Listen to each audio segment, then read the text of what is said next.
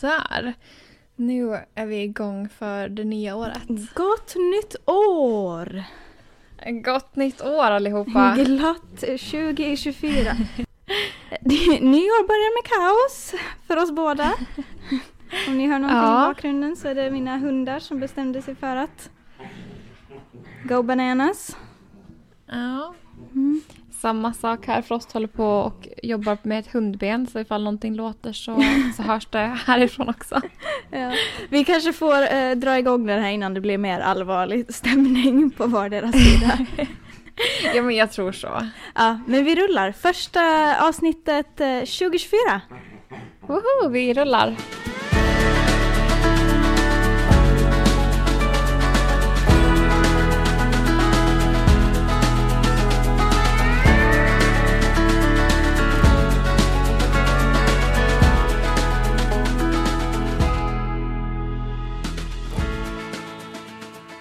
Hej och välkomna till På andra sidan Atlanten med Amanda och Linn. Välkomna och igen gott nytt år. Amanda, hur var ditt nyår? Eller hur har ditt år börjat? Men det har börjat bra. Vi är eh, inne på dag tre av det nya året hittills. Och ja, men det börjar bra. Vi eh, hade jättebra nyår. Vi, men vi pratade väl om det här förra, förra veckans avsnitt, hur vi skulle fira. Hur ni ska, ja precis, med eh, kompisar och sen eh, Daniels syster och pojkvän. Ja men exakt. Mm. Eh, att, jag, att jag inte kör allt för mycket upprepning. Nej men vi, vi firade med dem som sagt och eh, vi hade det jättetrevligt. Eh, vi lagade tre, trerättersmiddag här, spelade Monopol hela kvällen och eh, skålade in det nya året och ja, sen första januari var det en sjuhöjdans, nej men sjuhejdans. eh, sen, och sen första januari så var det ett diskberg i köket att reda upp. Mm, man älskar ju det. Det är fantastiskt. Alltså, alltså det är jättekul att hosta, jag älskar att dekorera Mm. bord och sånt. Jag hade köpt massa dekorationer nu inför nyår. Men disken dagen efter är ju, alltså det var en never-ending story. Och vi, här i USA så har man ju inte torkskåp som, som man har där hemma. Nej, det är nog Och- faktiskt en, alltså det är en miss. Det resten av Mm. världen har liksom verkligen har, har missat där. Ja men till och med Sverige, för det var ju en finsk kvinna som, som vad heter det, eh, inventade, men vad är det Uppfann. Uppfann. Uppfann det. Mm. Eh, så ja, det är verkligen någonting som, som jag saknar här. Eh, Mm. och, och vi har ju inte heller köpt en sån här eh, diskcell som man kan ha på bänken för jag Ja. tycker att det ser så fult ut, det tar så mycket plats. Det gör det. Så vi har faktiskt diskmaskinen som, som torkställning så har vi liksom den utdragen. Men va, vänta nu, vänta nu, vänta nu. Använder du inga diska för hand? diskmaskin? Men varför använder ni inte diskmaskinen? Ja, alltså man tycker ju att eh, man tycker att man borde använda den, men den fungerar ju inte jätte, jättebra. Och jag litar Jaha. inte på att den rengör allting och jag känner, för det pris vi betalar för lägenheten så borde den funka. Men det gör den inte och tar jag hit servicekillarna kommer jag absolut inte att byta ut den så jag känner att jag kör med det säkra kortet och diskar för hand helt enkelt och Mm. använder diskmaskinen som, som tork.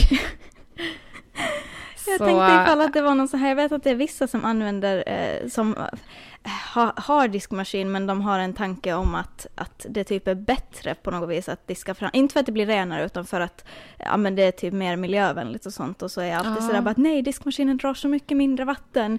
Eh, men det var inte Ah. orsaken då, det var mest för att Nej. den inte funkar. det, det var nog mest att den inte riktigt gör sitt jobb. Alltså hade den funkat bra så hade jag absolut kört diskmaskin. Ehm, för man får ju ihop så mycket disk när man, när man är flera liksom. Mm. Men, eh, men det var, det var orsa- orsaken till att jag inte använde den.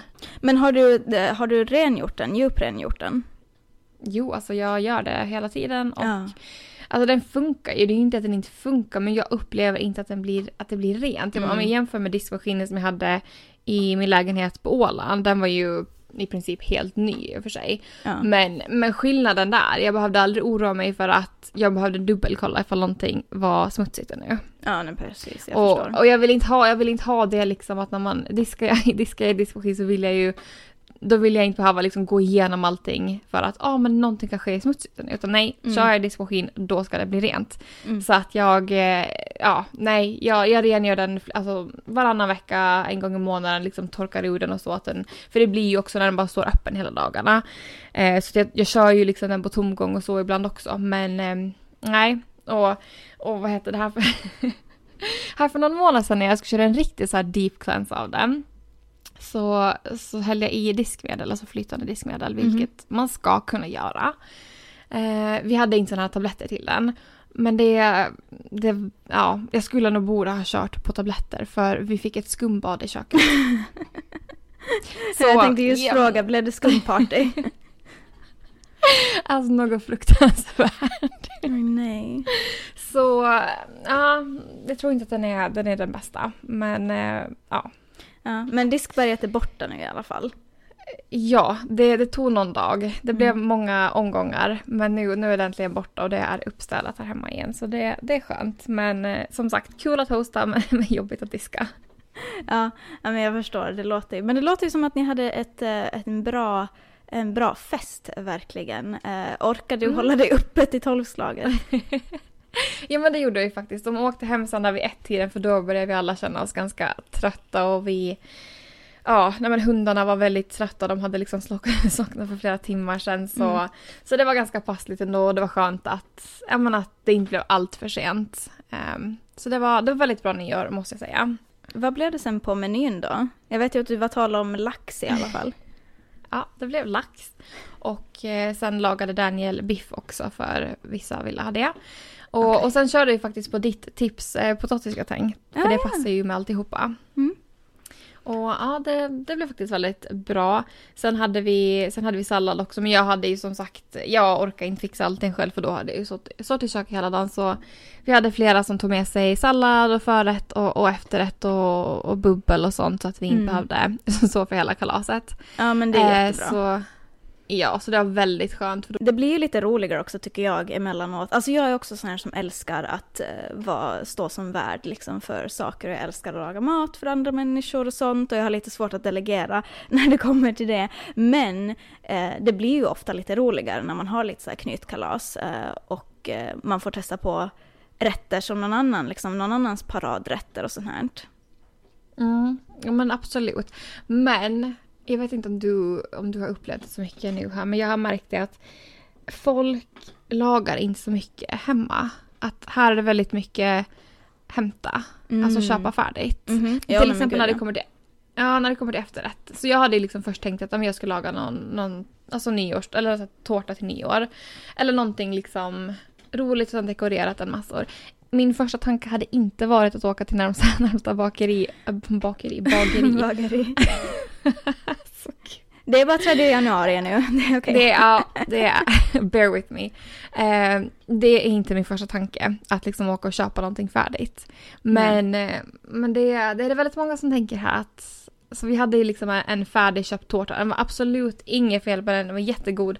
Men jag märker liksom hur mycket vanligare det är här att man gör det än att man bakar själv.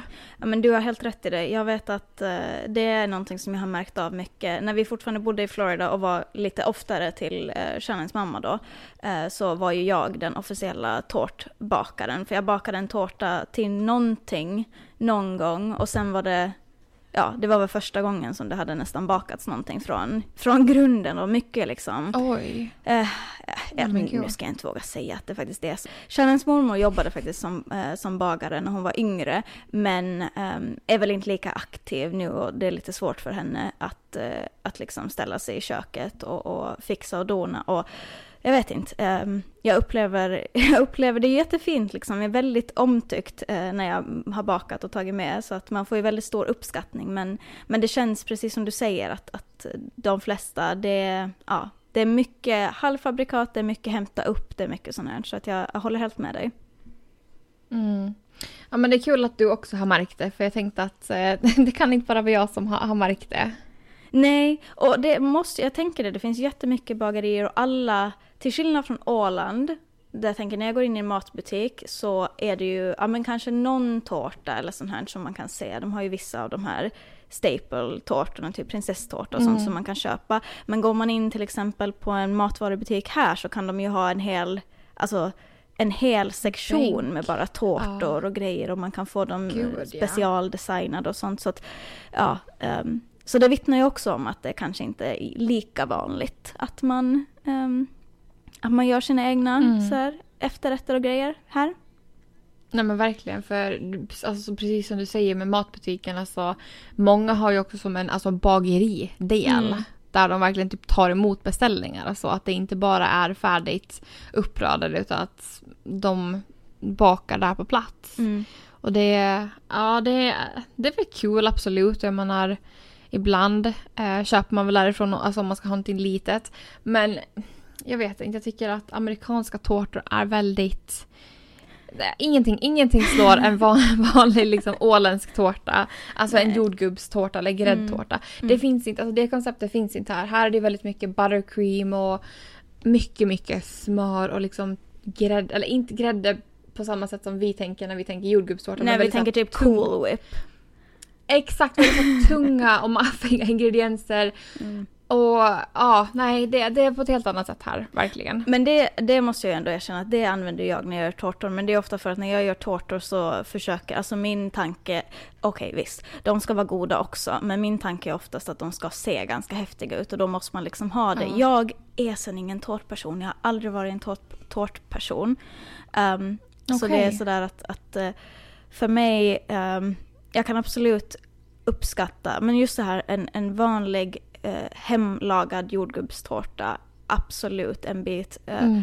Men just sådär att nu när jag har lagat tårtor till familjen här och sådär, alltså jag tror inte jag har smakat på en bit. Alltså jag är sådär bara hoppas det blir bra nu. Det, Men du, du Ja. använder alltså Cool Whip sa du? Nej, jag använder inte Cool Whip. Eh, det, där drar jag ändå gränsen. Okej, jag trodde du sa att du använder det, därför blev jag okej, men berätta, berätta mera. Nej, men jag, eh, jag gör ju till exempel mina tårtor, om jag gör flera lager så gör jag ju med buttercream, men jag gör ju också den på Mm. egen hand, alltså helt liksom. Mm, du från- köper inte färdigt liksom? Nej, och det tänkte jag också säga, typ att jag gör också mina bottnar från början för att det är inte svårt. Alltså det är ju på riktigt, jag Nej, vet att det är alltså. jättemånga som köper sina så här boxed eh, tårtgrejer om de ska baka från Mm. scratch så köper de ändå en box med typ alla ingredienser och sen man säger att okej. Men då är det inte från scratch? Nej, men det är inte. Och sen är det också dumt för att Alltså, köper du ingredienser, om du tänker att du ska baka mycket, du köper mjöl, du köper socker, du köper ägg, de flesta har väl, eh, som inte liksom är veganer, har väl ägg hemma, eh, mjölk eller mjölksubstitut eller vad man nu har, eh, det håller. Så att liksom, Mm. du spenderar ju mycket mindre pengar om du bara köper en påse mjöl och lite socker och grejer, än att du ska hålla på och köpa de här förpaketerade sakerna som du sen som du sen inte egentligen vet exakt vad som finns i. Eh, ja, jag vet inte. Nu låter jag kanske Ja. som en så här riktig gnällkärring. Eller så. Ja.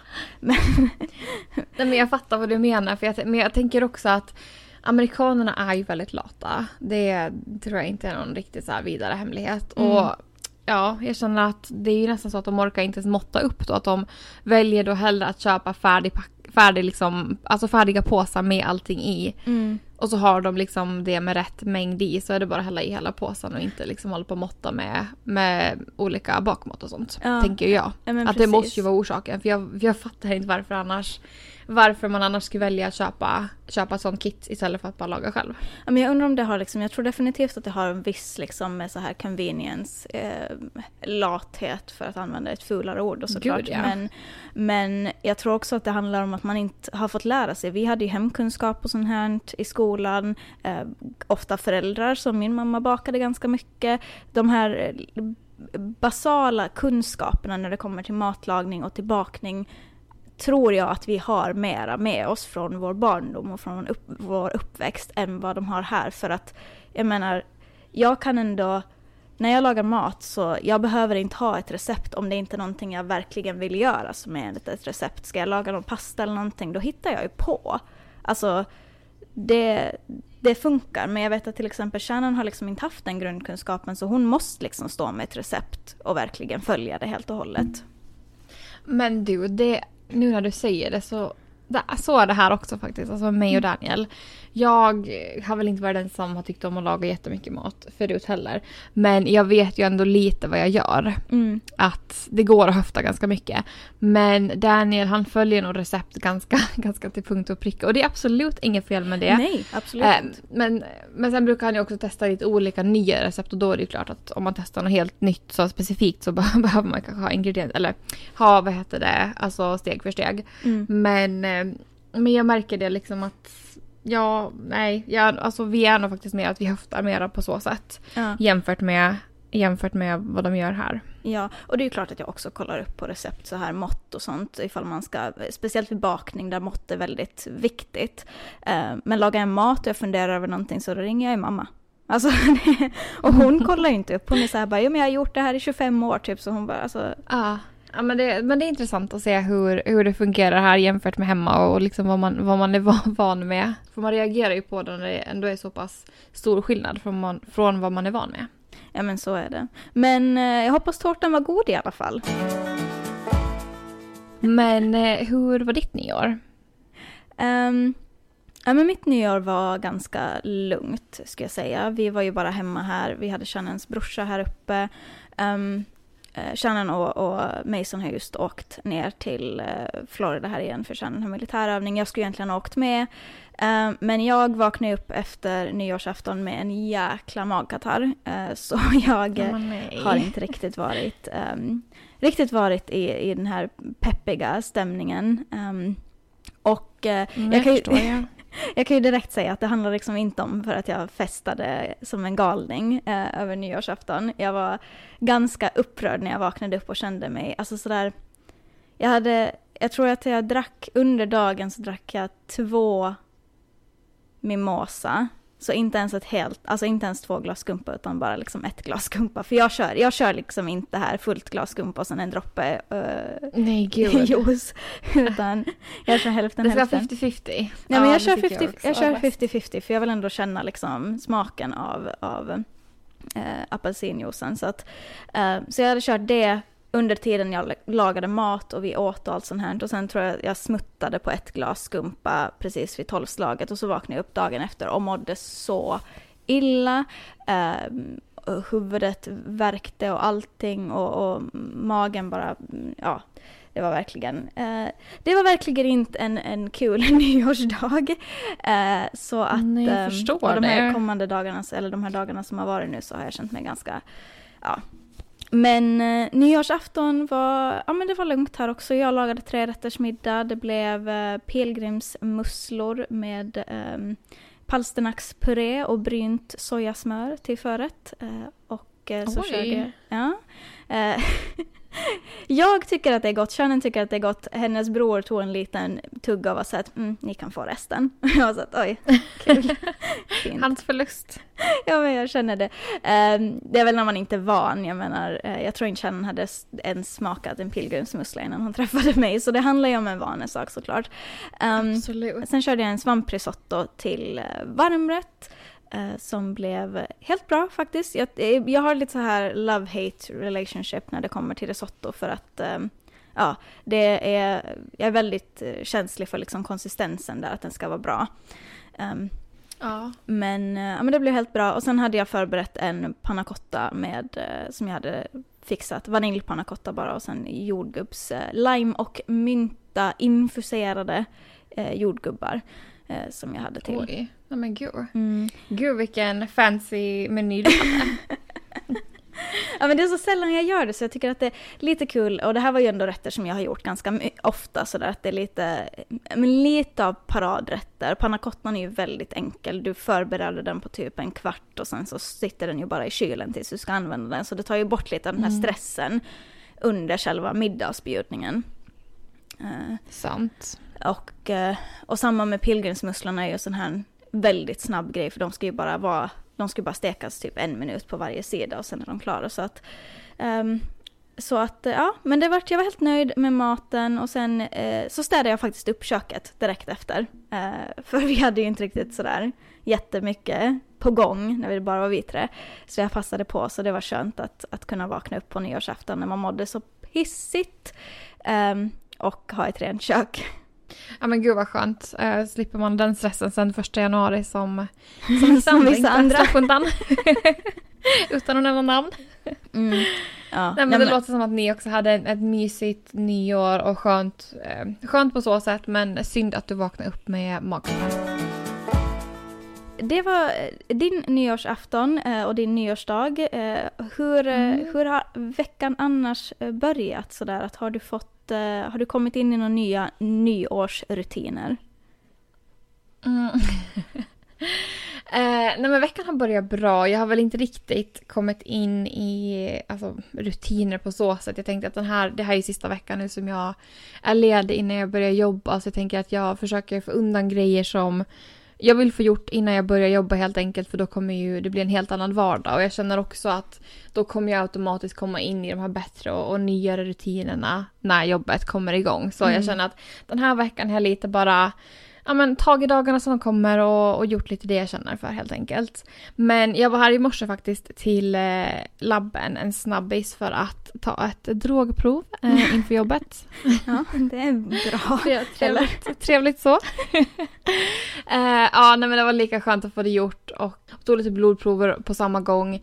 Så jag har fått det ur världen eh, och sen har jag bara jobbat på alltså, en bakgrundskontroll. Jag vet inte hur jag vet inte om det är vanligt hemma att företag kör en sån background-kontroll. Nej. Men här är det ju... nej. nej. Jag tyckte också att det lät lite bara... Ba... alltså background check och drogtest. Jag bara okej. Okay. Mm. Men, men tydligen så... Vi har aldrig behövt ta ett drogtest hemma förut för något av mina jobb. Men tydligen så har jag fått höra av flera att det, det är lite vanligare än vad jag trodde att det var. Eh, mm. men tror absolut inte att det är lika vanligt som det är här. Att göra det.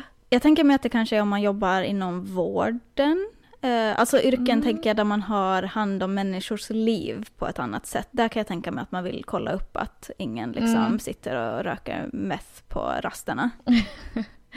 ja, men jag tror det, men det var andra branscher också som inte var involverande liksom vården. Mm. Men, men det, var, ja, det var intressant. Så, ja, nej, men så det, det var lite intressant att jag skulle behöva göra det här. Så jag har har fått det gjort och sen har jag också fyllt i massa information för att de ska kunna göra en sån här bakgrundskontroll på mig. Kommer inte hitta så mycket i och med att jag inte har varit i landet alltså jättelänge mm. och att jag inte har jobbat här förut heller. Men uh, ja, vi får väl se, se om de hittar någonting spännande när det kommer tillbaka. Mm. Uh, nej, men så det är väl det som jag har pysslat på med den här veckan. Um, och liksom bara förberett dokument och sånt inför jobbet för det har varit ganska mycket som de har väl haft vilket jag tyckte var väldigt så här Ja, väl, eller, vissa grejer var väldigt tidskrävande. Jag satt i flera timmar och liksom svarade på massa frågor. Um, vilket jag tycker är väldigt konstigt för det är ingenting som man gör när man jobbar här, liksom får nytt jobb hemma. Så Nej. att um, det är anna, alltså väldigt annan alltså, process här. Ja. Med, med allting, med allting måste jag säga. Ja men det är en väldigt annan kultur och jag vet att vi har pratat om det tidigare i podden och sånt här också. Um, det skiljer sig väldigt mycket. Jag tror att jag upplever när det kommer till jobb hemma att det finns en större tillit. Um, här har jag hört om flera, flera yrkesgrupper där man måste liksom, uh, där de har tillåtelse att hämta polisregister och sånt. Uh, hemma är det ju mm. bara om man jobbar uh, med barn till exempel. Jobbar man i skola så ska man ha polisutdrag och då får de också bara kolla ifall att det är någonting som har att göra med liksom våld eh, mot, mot barn då i princip, att det ska vara relevant mm. till jobbet. Um, men jag vet att här så är det ganska många yrkesgrupper som, som har rätt då att, att se vad du har gjort tidigare. Ja, och jag tycker att det är...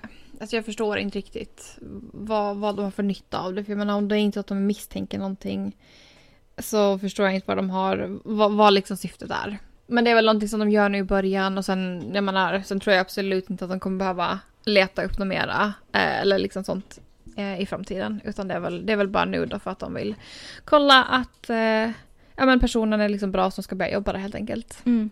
Ja men precis. Ja, så är det. Vi får väl hoppas att ingenting konstigt dyker upp i alla fall. Nej, i sådana fall kommer det som en chock för mig också. Ja. Men eh, tror att allting borde vara ganska, vara ganska OK. Vad har du hittat på sen eh, nyår? Sen nyår, ja, jag känner att jag typ i princip gav en, en recap på mina dagar här.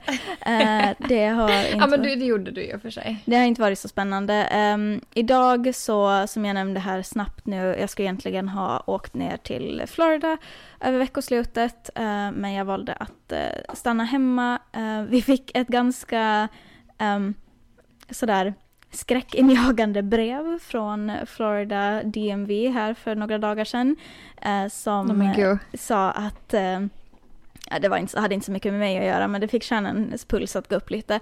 Eh, det var i princip att vi måste registrera in vår bil här i North Carolina eh, innan den sjätte, tror jag det var. Eh, annars så skulle vi, eh, ja men så skulle hon potentiellt kunna bli arresterad då. Um, om hon körde bilen. Um, ja men bilen skulle få körförbud helt enkelt. Um, och uh, det var, hon hade tur och kunde få dagen ledig så hon hann fara och göra en besiktning för det måste man göra i North Carolina, det behöver man inte göra i Florida. Um, vilket jag tycker att är en bra grej, jag tycker att bilen ska besiktas ärligt talat. så uh, hon var gjorde en besiktning i morse och sen får hon direkt till DMV då för att försöka lösa ny registrering på bilen. Uh, och uh, kom, uh, skickade meddelande typ att hon har just, hennes meddelande var typ, jag betalade just för en första, första klassbiljett till himlen. Och jag var så att, det låter trevligt, vad menar du med det? Då sa hon, ehm, de här nya, ny plåt som vi fick till bilen då. Um, man behöver ju bara ha en plåt i det här. Man behöver inte ha både fram och bak, man behöver ha bak. Uh, men ny plåt och ny liten sån här registerlapp då som man sätter på den. Uh, vad tror du att det kostar? Oj, ja. Nej men ja, jag har faktiskt ingen aning men ja. 5000 i och med att hon sa första biljett eller ja. Okej, okay, nej det var inte så farligt. jag var också okay. sådär. Um, när jag jobbade på motorfordonsbyrån hemma så försökte jag försökte tänka tillbaka så här, men vad kan det kosta? För besiktningen kostar ungefär samma här som de gjorde hemma så var jag så att okej okay, men nyregistrerad, nyregistrerad bil, hur mycket kostar det, hur mycket kostar bla bla bla. Så jag var så här, men med typ ett par hundra och hon bara, ja nej 600 dollar. Och jag var så här, okej. Okay. Okej. Okay. Men det, det är dyrt. Det, mm -hmm, för, för det är bara ett års registrering. Men jag var så att men vi kan inte måste betala 600 dollar varje år. Och det behöver vi inte. Jag tror att den vanliga årskostnaden um, är 170 dollar eller någonting. Men det vart ju lite... Så det där kanske var när det var nytt ny, mm. liksom helt nytt byte då? Ja, det var så här registreringsavgifter och allting möjligt uh, i det. Men hon kom därifrån lite sådär, du vet, tår rinnandes på kinden nästan. Efter jul, jätte, jättekul verkligen. Um, jag känner att jag verkligen drog i ganska ordentligt om 5000. Du drog men... verkligen i ordentligt. jag tänkte såhär, jäklar, får man nästan ny bil för? Ja, men vet du, jag skulle inte bli förvånad ifall det hade legat på de kostnaderna. För ingenting, alltså ingenting chockar mig nästan längre. Mm. Nej, men jag kände det att jag, när hon frågade mig hur mycket jag trodde att det kostade, så jag, min första tanke var ju typ att, ah, nej men typ 2000. Men jag ville inte att det skulle ja. vara sant. Jag ville inte. Jag var så att det kan inte vara det. Det är inte värt, alltså, oh. och det är samma land. Det är inte olika länder, delstaterna, det är fortfarande nej, samma alltså land. Det... Och vi har redan betalat för en registrering. Ja men det är det. Och vi har redan betalat för en registrering i Florida som går ut först i vår, alltså senare, typ april eller någonting.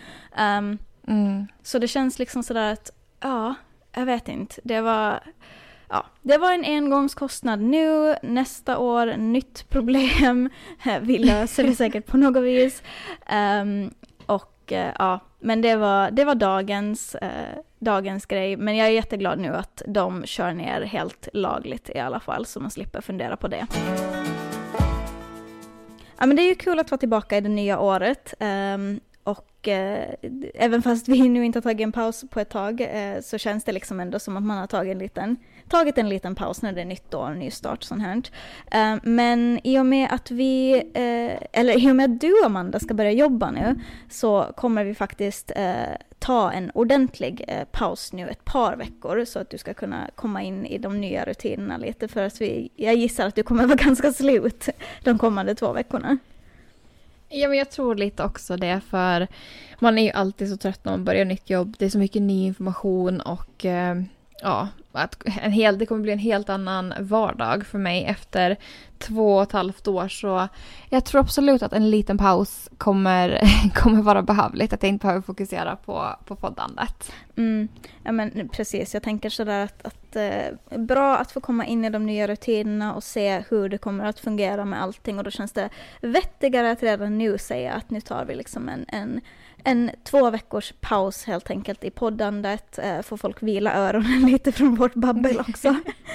eh, och, och vi, körde det... ju, vi körde ju en riktigt lång julspecialare förra veckan också så så jag tror att vi har, vi har pratat på ganska, ganska ordentligt på senaste. Jag känner det, att vi har verkligen babblat på eh, en hel del. Så att, eh, jag tror att, att det blir riktigt bra. Så får vi vara tillbaka om två veckor med, med ny energi helt enkelt. Um, men då betyder det att vi kommer säkert hitta på en massa under de här två veckorna. Hur ser, hur ser det ut för dig? Vad har du för planer, förutom jobb? Alltså förutom jobb så har jag väl inte jättemycket inbokat. Men jag måste, alltså, nu måste jag öppna, öppna kalendern här i mm. telefonen. Minnet är som det är. Eh, nej, men vi ska faktiskt här om två veckor till veterinären med Frost. Jag vet inte hur mycket jag har pratat om eh, hans höfter här i poddandet. Mm. På tal om att mitt minne är så dåligt. jag tror inte jag har pratat så mycket om det. Vi har ju pratat om det lite. Han har ju eh, problem med höfterna då. Mm. Han har ju det och vi märkte redan ja, jag skulle vilja säga redan efter, efter vi hade haft honom i sex månader att han haltade väldigt mycket på bakbenen när han hade sprungit runt och, och lekit. Och att det liksom varade ett tag, att han, han var öm. Och, och, och, och det märkte vi också när vi borstade honom vilket, vilket vi behöver göra ganska ofta. Mm. Eh, att han tyckte inte om när vi, vi rörde honom på bakbenet. Så vi har varit i veterinären jättemycket de här senaste åren. På grund av det han har fått värkmediciner. För de, de har väl trott att först att det har varit växtverk. Men de har väl också redan misstänkt från tidig ålder att det, att det är hip. Mm. Osäker på exakt vad det är på, på svenska. Men, men någonting med höfterna helt enkelt. Och det är väldigt vanligt att de här större eh, renrasiga hundraserna får just hip dysplasia. Mm. Eh, och jag vet inte riktigt varför, varför det är det, eller varför det är så men men tyvärr så är det så. Så nu har vi fått en, en tid bokad till veterinären. Så han ska sövas ner för att göra en, en röntgen. Och, och anledningen till att han behöver vara nedsövd är för att de kommer att vrida ben, eller inte vrida, nu låter det extremt. Men liksom alltså böja och vrida benen. Att är han vaken så kommer det vara väldigt obekvämt och, och göra mm. ont för honom. Så därför söver de ner honom. Så så här i helgen så var vi till veterinären då redan och, och gjorde så här pre-blood work för att kolla då att allting ser bra ut, att han är, är okej okay att eh, bli nedsövd, att det inte är någonting som ja, kommer hända, eller att, att det inte blir tokigt helt enkelt när han är nedsövd. Mm, så det är väl det som vi har nu då fram eh, ja, men om två veckor inbokat. Och, och, efter det kommer vi sen att få veta då exakt hur det står till, eh, vad problemet är och hur vi kan gå vidare. För, för jag pratade redan med veterinären igår eh, när hon ringde och sa att allting såg bra ut då i, i de här testerna som kom tillbaka. Att eh, förhoppningsvis så, så räcker det att, vi, att han får någon sån här smärtmedicin som vi ger honom då veckoligen eller, eller hur ofta det nu är. Men hon pratar också om att det kan finnas eh, risk för alltså, en höft... Eh, alltså hip replacement. Mm. Och, och, då kände jag att nej men gud. Så jag hoppas verkligen att det, inte, att det inte kommer till det, att det inte är så pass allvarligt. Och att det går att hjälpa med, med bara smärtlid, alltså smärtlindrande medicin helt enkelt. För mm. han, är, han är ju bara två år, han är ju, han är ju knappt kommit ut ur valpfasen. Mm. Och att han redan har problem med höfterna, det, det gör så ont när jag ser hur han haltar. När han, när han går, han vill inte ens gå på långa promenader nu. Det har vi märkt här den senaste månaden att det är inte alls långa promenader. Mm. Så att eh, det är jättejobbigt att se att han har ont så jag hoppas att vi kommer få lite mera svar nu eh, om två veckor. Ja, men vi får verkligen hoppas att, att det är lite mer av ett quick fix eh, för hans del. Men oavsett så är det viktigt att han får eh, vård då, så att han slipper lida så mycket av det. Som, speciellt mm. som ung hund och som kräver mycket av den här eh, motionen för att få ut energin och sånt här. Så ja. det är väldigt jobbigt om man inte kan ge den. Ja men det är ju exakt det, för vi har inte tagit honom till hundpark på jättelänge för att dels hundparker kanske inte är det bästa alltid för man vet inte hur, hur andra hundar är och, och hur, hur, andra hundar leker. Men också för att han får så ont i höften så därför har vi ju alltså begränsat det till längre promenader men det har också nu liksom kortats ner ganska, ganska ordentligt för att han inte, han inte vill mer helt enkelt. Mm. Så alltså, han har ju väldigt mycket energi som han inte blir av med. Um, så det, det är lite full fart här hemma om vi säger så. ja, jag förstår. Um, det där är ju alltid, alltså usch. Det är verkligen jätte, jättejobbigt tycker jag när eh, ens djur mår dåligt. Man känner sig så jäkla hjälplös verkligen. Um, Verkligen. Jag lämnar också folk lite på en cliffhanger fick jag höra när jag sa att Milo hade varit sjuk eh, och inte berätta hur det var med honom. Eh, jag kan ju säga uppdatera om att eh, allting eh, verkar betydligt bättre nu med Milo. Vi var på väg att boka, försöka boka hitta veterinärstid till honom men hans mående blev väldigt mycket bättre och han är väldigt stabil nu så att um, här under julen så tänkte vi att vi inte stressar med det nu utan det får bli nu sen när kärnan kommer hem igen så ska de, vi hitta en ordentlig veterinär till de båda då. Uh, de var ju faktiskt i veterinären båda två precis innan vi flyttade upp så det har ju inte gått så jättelång tid sedan de senast var på en checkup. Um, Eh, men eh, Milo, för de som har hört av sig och undrat till mig så, så kan jag säga då att, att Milo verkar må bra eh, nu igen. Han har tillbaka samma energi, han har inte haft några magproblem och eh, han äter och dricker bra. Så att vi hoppas att vi får ha honom ett tag till i alla fall. Gud, ja det hoppas vi verkligen. Vad har du annars för planer de här kommande veckorna förutom jobb?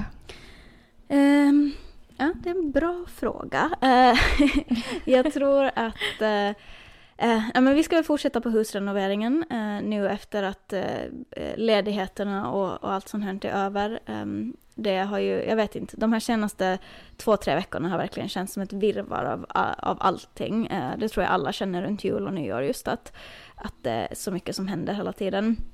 Eh, så vi ska fortsätta med, ja, så vi ska fortsätta med det, uh, börja fixa klart gästrummet så att vi har det klart i februari när mina föräldrar kommer på besök igen. Uh, och, men just det, ja. men har de bokat flyg redan? Jag tänkte för när du sa ju redan här tidigare innan ni hade flyttat till North Carolina att de skulle komma i februari så tänkte jag att har de bokat flyg till Florida då eller? Jo nej, de åker till Miami och blir där så att vi, nej jag skämtar. jag bara, åker de dit först? Trevligt. nej, de flyger de flyger samma som de gjorde när de kom till Florida faktiskt. De flyger via New York, så de bokade flyget till New York och de ska väl boka ner nu till eh, North Carolina här så småningom. Inrikesflygen är ju ofta lite billigare och um, inte så... Um, man behöver inte vara ute i lika god tid helt enkelt. Um, Nej, det finns, ju, det finns ju alltid flyg här liksom på ett eller annat sätt. Ja, men precis. Och är det så att de skulle vilja ta tåg hit ner igen så, så kanske de gör det. Vi får se helt enkelt uh, hur, de, uh, hur de planerar att göra. Men, uh, men nej, de åker inte ner till Florida i alla fall. De åker, de åker till okay. New York först. så... Och de kommer då i mitten av februari. Så Shannon kommer vara borta på Eh, Eh, sin eh, årliga militärövning som är lite längre. Eh, så att första veckan är bara jag och mina föräldrar och vovvisarna och sen så kommer Shannon tillbaka då till andra veckan de är här. men planen är då att vi ska ha gästrummet klart. Um, och det borde inte ta jättelänge att fixa, men vi fick en sån här paus nu över jul och då känns det lite, jag vet inte, lite uppförsbacke att börja igen med det här renoveringsstöket och kaoset. Jag förstår. Men ni har ju ändå kommit jättebra med vardagsrummet, att ni har fått det klart. Så jag förstår att det var skönt att ta en liten paus. Men ja, det är väl bara att kämpa vidare så att flera rum blir klara. Ja, och vi har fortfarande lite kvar på vardagsrummet också. Um, det är egentligen bara, jag ska säga det halva vardagsrummet är klart. Um, resten är fortfarande ogjort, men det ser inte jätteogjort ut. Det är bara lite stök när vi har alla våra all utrustning och sånt eh, i det andra ja. ofärdiga hörnet. Så att um, det är nog mycket jobb kvar, alltså jag ska inte ljuga, det är mycket jobb kvar och det är svårt emellanåt att få tiden att räcka till och orken att räcka till när man jobbar heltid och ska försöka och har hundarna och allting så att eh, eh vi ska försöka ta oss i kragen nu eh, så småningom. Eh, förhoppningsvis så kan vi jobba lite nästa helg då göra det tillsammans för då är det mycket roligare också. Eh, när man gör det som ett team helt enkelt. Och sen så får vi se då vad som händer resten av eh, tiden vi är borta från poddandet. Eh, min förhoppning är ju att vi ska åka lite västerut här i North Carolina och eh, hälsa på eh, Shannons eh, styvmamma i princip, för detta styvmamma. Um, som okay. faktiskt bor här i delstaten men hon bor eh, närmare upp mot bergen då helt enkelt. Så det skulle vara jättekul att kunna åka och, och få de här typiska North Carolina-vyerna. Um, vi är ju närmare kusten um, än Smoky Mountains då. Så Um, så det, det, ser jag fram emot om vi har uh, tiden och orken att, uh, att åka på en liten roadtrip helt enkelt. Uh, men vi får se, vi får se, vi se vad vi har hittat på. Det kan ju hända att jag inte har någonting att meddela när vi kommer tillbaka om två veckor. Det återstår att se. Men, men du, sa du att hon bor, alltså bor närmare Smoky Mountains? Ja, uh, hon bor liksom okay. väster om um, Charlotte nära gränsen till Tennessee då. Så att, och i Tennessee okay, bor också Shannons, ja. Uh, och i Tennessee bor faktiskt också Shannons brorsa, så vi skulle försöka göra det till en liten sån här slå två flugor i en smäll resa tänkte vi. Men, men gud vad roligt. Vi har faktiskt, alltså vi har redan, jag tror sen förra året, kika på att åka till Smoky Mountains. För att, ja men just åka och, och liksom för naturen där ska vara så himla fin. Mm. Och, och hajka och så. Men när vi har kollat, eller de, de helgerna som vi kollade på så var de flesta bra boende, boendena uthyrda och det som var kvar var superduper dyrt. Ja. Och sen kollar vi också mycket på sommaren och då är det kanske inte den bästa årstiden heller för det är väldigt varmt och luftfuktigt. Jag tror att vi ska mm. försöka åka på hösten kanske istället. Mm. Så vi får se om vi hittar på att göra det i år för vi har, för det är verkligen högt upp på vår reselista. Ja. ja alltså här, här i USA. Ja, alltså jag skulle säga att längre söderut så är ju hösten en fantastisk årstid eh, att åka. Eh, mycket här uppe finns ju liksom, vi är så pass långt norrut att det finns lövträd så man får liksom de här fina färgerna. Uh, men det är fortfarande ganska varmt, alltså 20 plusgrader. Så att um, så att eh, hösten, typ eh, oktober, november, jättefina månader eh, att, att besöka just um, de nord-södra, mitten av USA ska jag säga.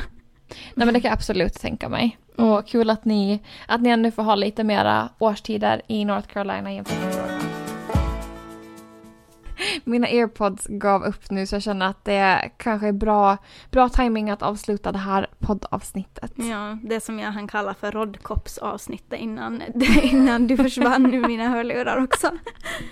Ja men jag känner att det här, ja vi fick ju ändå ihop en bit, men jag känner att det var lite all over the place. Ja, vi får skylla på, på hur hjärnan är nu i början av året och, och med all stress och magkatarr och allting vad som finns. Så, oh, Gud. så får vi hoppas att våra lyssnare är förlåtande helt enkelt. Um, över vårt babblande det här avsnittet. Ni får ju en paus nu två veckor från det här så hoppas ja, jag att exakt. vi är tillbaka lite mer strukturerade sen. Ja, men det, det hoppas vi på så så får, eh, ja, så får vi också en liten paus att eh, bli, nej, ja. Att sätta våra ja, ankor men... i rad. jag känner att det kanske behövs. Ja, jag tror också det. Uh, ja. Men tusen tack för att ni har lyssnat uh, på det här första avsnittet för året. Uh, kul att vara tillbaka. bra att ta en paus nu känner jag. Ja, men tack så jättemycket för att ni har lyssnat. Så får ni ha det så bra så hörs vi i nästa avsnitt. Det gör vi och om det är så att ni har några frågor och funderingar medan vi är borta eh, eller vill kolla på vad vi hittar på så ska vi försöka nu, vi har varit ganska kassa med det också, att uppdatera våra sociala medier. Eh, jag skyller mig själv och att jag är så dålig på att ta bilder. Eh, men vi finns på eh, andra bottenstrecksidan bottenstreck Atlanten på Instagram. Eh, så kika in där, eh, påta på oss och säg att vi måste bli bättre på att uppdatera, det är kanske mitt nyårslöfte eh, till eh, lyssnarna, att uppdatera bättre på, på Instagram. Um, men kika in där och eh, så får ni ha det så bra nu i två veckor och så hörs vi igen så småningom. Tack för att ni lyssnade på det här råddiga avsnittet så hörs vi. Det gör vi. Ha det bra. Hej då! Hej då!